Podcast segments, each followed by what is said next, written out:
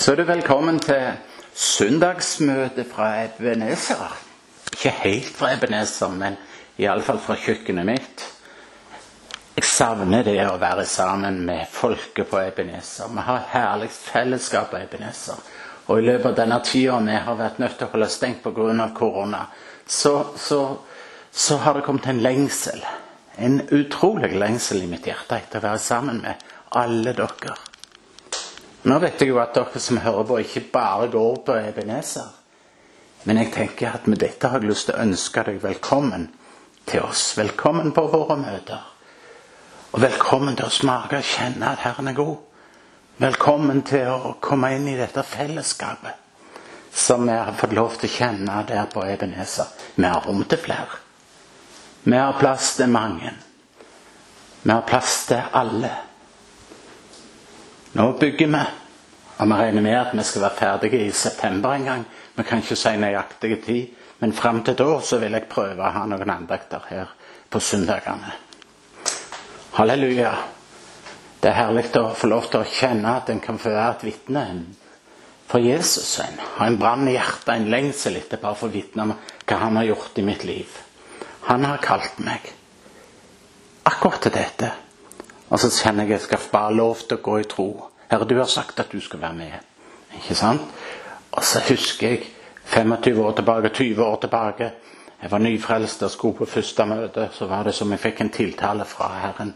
Jeg slipper deg ikke, og jeg svikter deg ikke.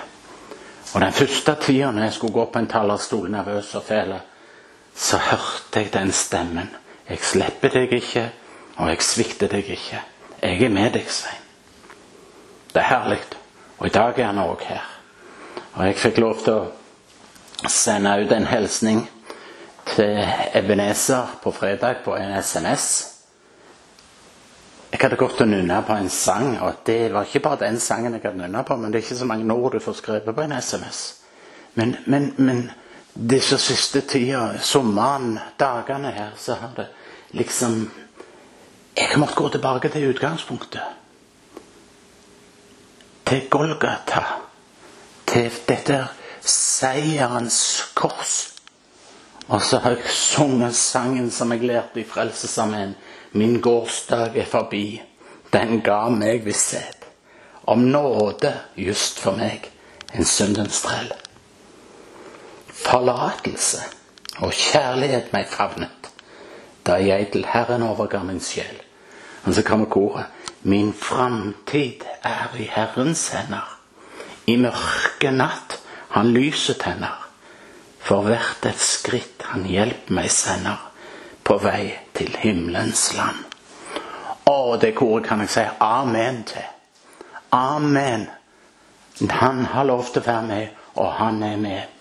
Halleluja, halleluja. Det er fantastisk å tenke på.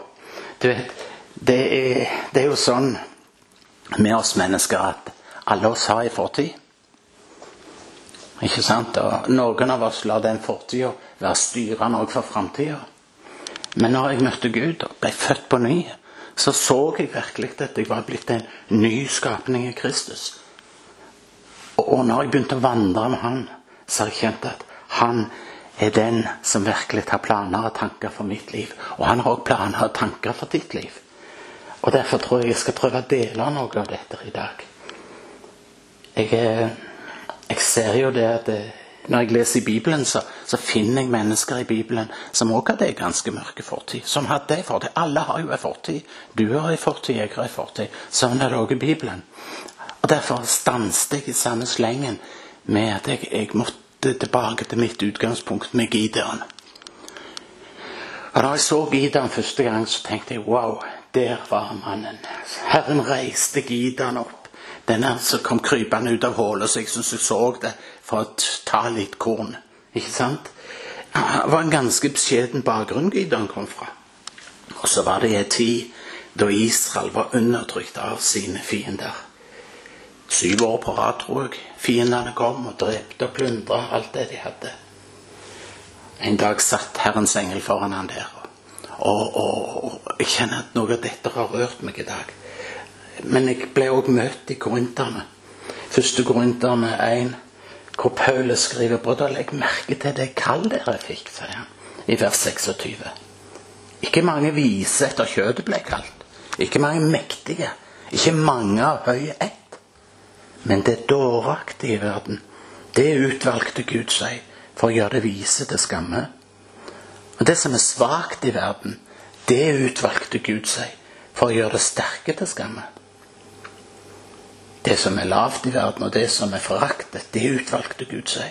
Det som ingenting er, for å gjøre det som er noe, til intet. Jeg tror det var sånn det var. Og det var fordi at intet kjøtt skulle rose seg for Gud. Amen. Amen. Du vet, du kjenner sikkert akkurat som meg, som jeg skrev i en SMS, at ytre press og indre fordømmelser kan sette sitt preg på våre liv. Iallfall er det sånn mitt liv. Og kjenner mange ganger at det er det der ytre presset ikke sant? Og, og, og indre fordømmelsene som, som, skaper noe av meg. Det er konsekvenser i livet mitt. Du vet, Skyggen av min bakgrunn, den ligger over, lå over meg. Den har påvirka min framtid. Og det tror jeg nok er med de fleste av oss. Men jeg oppdaget det at det var ikke sånn Gud ville ha det. Du vet, din bakgrunn, uansett hvor grusom den er, så er han din bakgrunn. Er du med på det? Min bakgrunn òg. Uansett det kan det noe som ikke tåler nesten å tas fram. Det er min bakgrunn. Den ligger bak meg. Den taler om gårsdagen. Det er din bakgrunn òg. Den taler om gårsdagen. Men hør, min venn, i dag er en ny dag. I dag er frelsens dag. Halleluja. La ikke din bakgrunn avgjøre din framtid. Men la Gud avgjøre din framtid. Gamle nederlag, feiltrinn, fangenskap det trenger ikke å prege framtida di. Min framtid er Herrens hender, sang jeg i sangen. I mørke natt han lyset tenner. Halleluja, halleluja. Du vet, Når jeg går gjennom livet mitt, så ser jeg iallfall én ting. Og det er at jeg har mange ganger måttet kjempe med mine svakheter. Jeg vet godt hva som er mine svakheter. At jeg vet nok du òg hva som er dine. ikke sant? Både styrker og svakheter. Så tenker jeg nå er ikke Aud her på kjøkkenet hjemme hos meg i dag, men hvis hun hadde vært der, så hadde jeg sagt eh, Aud vet nok om sine, hun òg, selv om hun aldri vil si noe til meg. Men vet du hva? Det er faktisk sånn at din og min svakhet kan være vår beste posisjon. Rart å si det sånn. For alle har vi svakheter. Sant? Vi har det fysiske og psykiske. Og jeg tror at det, det er ganske uheldig, om ikke farlig, å skjule eller unnskylde svakhetene våre. Ydmykhet er ikke å fornekte. Er du med på det? Det er ikke å fornekte våre svakheter, men det er å innrømme dem. Det, nå er det jo sånn at, eh, nå skal jeg ikke bare tale om det med svakhet. Gud kan bruke våre sterke sider. Vi skal utvikle områder vi er sterke på. Men vi lever vi lever med noen svakheter. Noen gang lar Gud være på den måten. Jeg leste det jeg leste om Paulus, ikke sant? Paulus forteller om at en Satans engel var sendt ut for å stoppe hans tjeneste. Vi vet ikke helt hva som var Paulus sin tårn i kjøttet. Men det vi vet, det er at Gud tillot at den var der. Når Paulus ropte til Gud om å ta han vekk, så svarte Gud nei, Paulus. For min nåde er nok for deg, og min kraft, den fullendes i skrøpelighet, i svakhet. Og du vet, i vårt samfunn så høres jo dette helt, helt sprøtt ut. Er du med meg på det? Vi dyrker styrke, seierherrer og vinnere. Vi har en helt annen verdi når det Gud har. Det svake, det forkastes i vårt samfunn. Men Gud bruker det som er svakt. Han faktisk utvelger det svake i denne verden. Og Derfor trenger du og meg å forstå at vår svakhet kan bli vår største forse. Det kan bli vår største tilgang. For da trør vi virkelig inn i Guds kraft. Ja, Paulus opptil tre ganger det her. Men Gud han ville demonstrere sin makt gjennom Paulus sin svakhet. Min nåde er nok for deg, Paulus.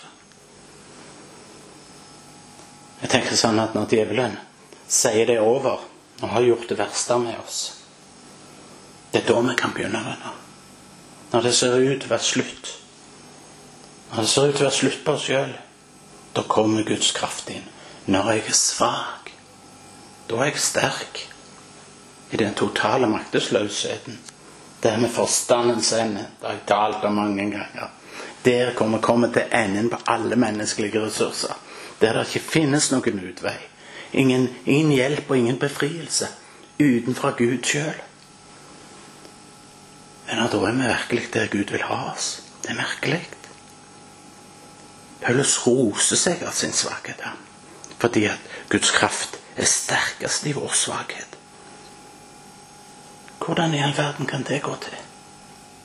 Venner, styrken blir gjort fullkommen i vår svakhet. Styrken ble gjort fullkommen i svakhet. Hvorfor? Jo, fordi svakheten garanterer Guds hjelp. Bibelen sier 'rop til meg på nødens dag', og jeg vil utfri deg. Salme 12 så er det et herlig vers som har fulgt meg. Fordi de elendige blir undertrykt, står det. Fordi de elendige blir undertrykt, og de fattige sukker. Derfor, sier Herren, vil jeg reise meg, og jeg vil gi frelse til den som lengter etter den. Snakk om de elendige og de fattige, de som ingenting er. Vet du, midt i min, midt i min svakhet og midt i din svakhet, så kommer Gud. Midt i min nød så kommer Gud med sin utfrielse. Midt i vår maktesløshet, venner, så kommer Gud med sin kraft. De gangene jeg har hatt det virkelig tøft og vanskelig, og opplevd en indre smerte og nød, da har jeg bare ropt til Gud, Gud, hvor er du? Hvor er du i alt dette? Og så hørte jeg denne stemmen. Svein, jeg vil ta det vonde og vende det til det gode. Så mitt vitnesbyrd er at mine skatter og mine perler, min rikdom, den er kommet gjennom lidelsen. Derfor vil jeg si til deg, ikke se på din svakhet, men la Gud få bruke det. Er du med på det? I Bibelen står det om Gideon. Han var et null. Han var ingenting. Han var fra den svakeste stammen. Ikke sant? Tror du det står? Det står den svakeste stammen. Den minste i den svakeste stammen. Tror jeg kan tolke det ut. Dette var jo det verste Gud kunne lete etter for å forandre et samfunn. Men venner, Gideon, han handla i tro. Gideon handla i tro. Halleluja. Jeg vet ikke om han syntes det var litt vanskelig. da. Vet, når, når, når, engelen kom til Gideon, da var det vanskelig for Gideon å ta til seg budskapet. Og her er nøkkelen i noe av dette, å ta til seg det som Herren sier. Engelen kom der, altså. Eh, for han så ikke på seg sjøl som mektig kriger når engelen talte til ham. Sier 'Herren er med deg'. Ikke sant? Engelen viste seg for han står der i Dommerne 6,12. Viste seg for han og sa til ham 'Herren er med deg, du mektige kriger, du djerve kjempe'. Det var merkelig å si til en som var den minste. Vet du hva? Han så på seg sjøl som liten, svak unnselig og redd person. Men Gud så på han som en kriger, som en stridsmann. Ikke sant? Som en kjempe. Der Gideon så svakhet. Jeg så, så Gud potensialet. Der Gideon så på sin bakgrunn, sin fortid. Ja, da så Gud hans framtid. Der Gideon så undertrykkelse der så Gud befrielse. Fantastisk. Og nøkkelen til dette lå i at Gud ville bruke ham. Han ville være med han. Han sa det klart og tydelig til henne at han var med. Ikke sant? Og Gud hadde forberedt en stor seier. Så stor som om det var nesten Gideon sjøl som skulle slå fiendene alene. Men nøkkelen til denne seieren det lå i at Gideon identifiserte seg med Gud. Ikke sant? Og Guds tiltale, det Gud sa til ham, og Guds makt. Og hvis han gjorde det, da var han nødt til å se på seg sjøl på en helt annen måte. Og når han så på seg sjøl som Gud så på han, og hørte det ordet som var talt, ja, så ville seieren være hans. Og han gjorde det. Det er fantastisk. Han heva seg over sin bakgrunn. Han heva seg over sine omstendigheter. Han heva seg over sine svakheter. Og så identifiserte han seg med det Gud sa om ham. Da kom seieren. Da kom befrielsen for landet. Og du kan gjøre nøyaktig det samme i ditt liv. Du kan høre de ord som Herren taler over deg. For Herren taler i sitt ord til deg. Herren taler til deg. Den hellige ånd taler til deg. Enten det er sang eller ord eller andre mennesker som kommer til deg. Men han taler alltid gjennom sitt ord, venner. Han taler alltid gjennom sitt ord. Så i Hebreerne 11 der står det om Gideon at han handla i tro. 11.32. Hva var det Gideon gjorde i tro? Han erobra ikke kongeriket. Han håndheva ikke loven. Han lukket ikke munnen på løver. Men det viktigste jeg syns han gjorde, det står i Hebreerne 11.32. Men gjennom tro ble hans svakhet vendt om til styrke. Gjennom tro, altså ved tro. Gjennom tro så ble han mektig i kamp og, og fikk fremmede armeer på flukt. Gjennom tro så ble hans svakhet gjort om til styrke. Halleluja. Og dette kjenner jeg blir sterkt for meg. vet du, Gideon. Det er nullet. Altså, det var ingenting. Wow. Men gjennom tro altså, tar Gud på ordet. Det Gud tar dette her. Hva er det vi gjør, venner?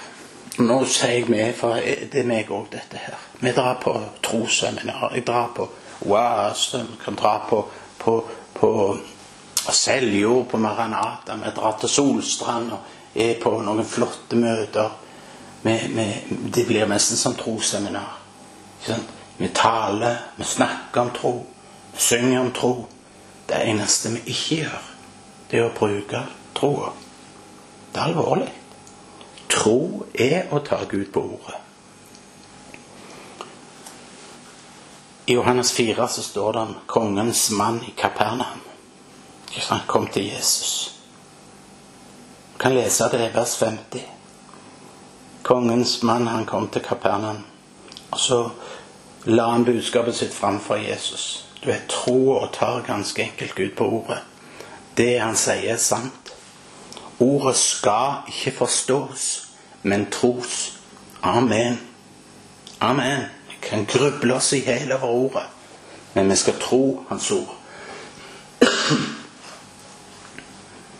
Jesus han sa ett ord til denne kongens mann når han kom der. Ett eneste ord. Det var alt. Og så står det mannen trodde det ordet. Jesus talte til ham. Og da han kom hjem, så fikk han se at ordet var nok.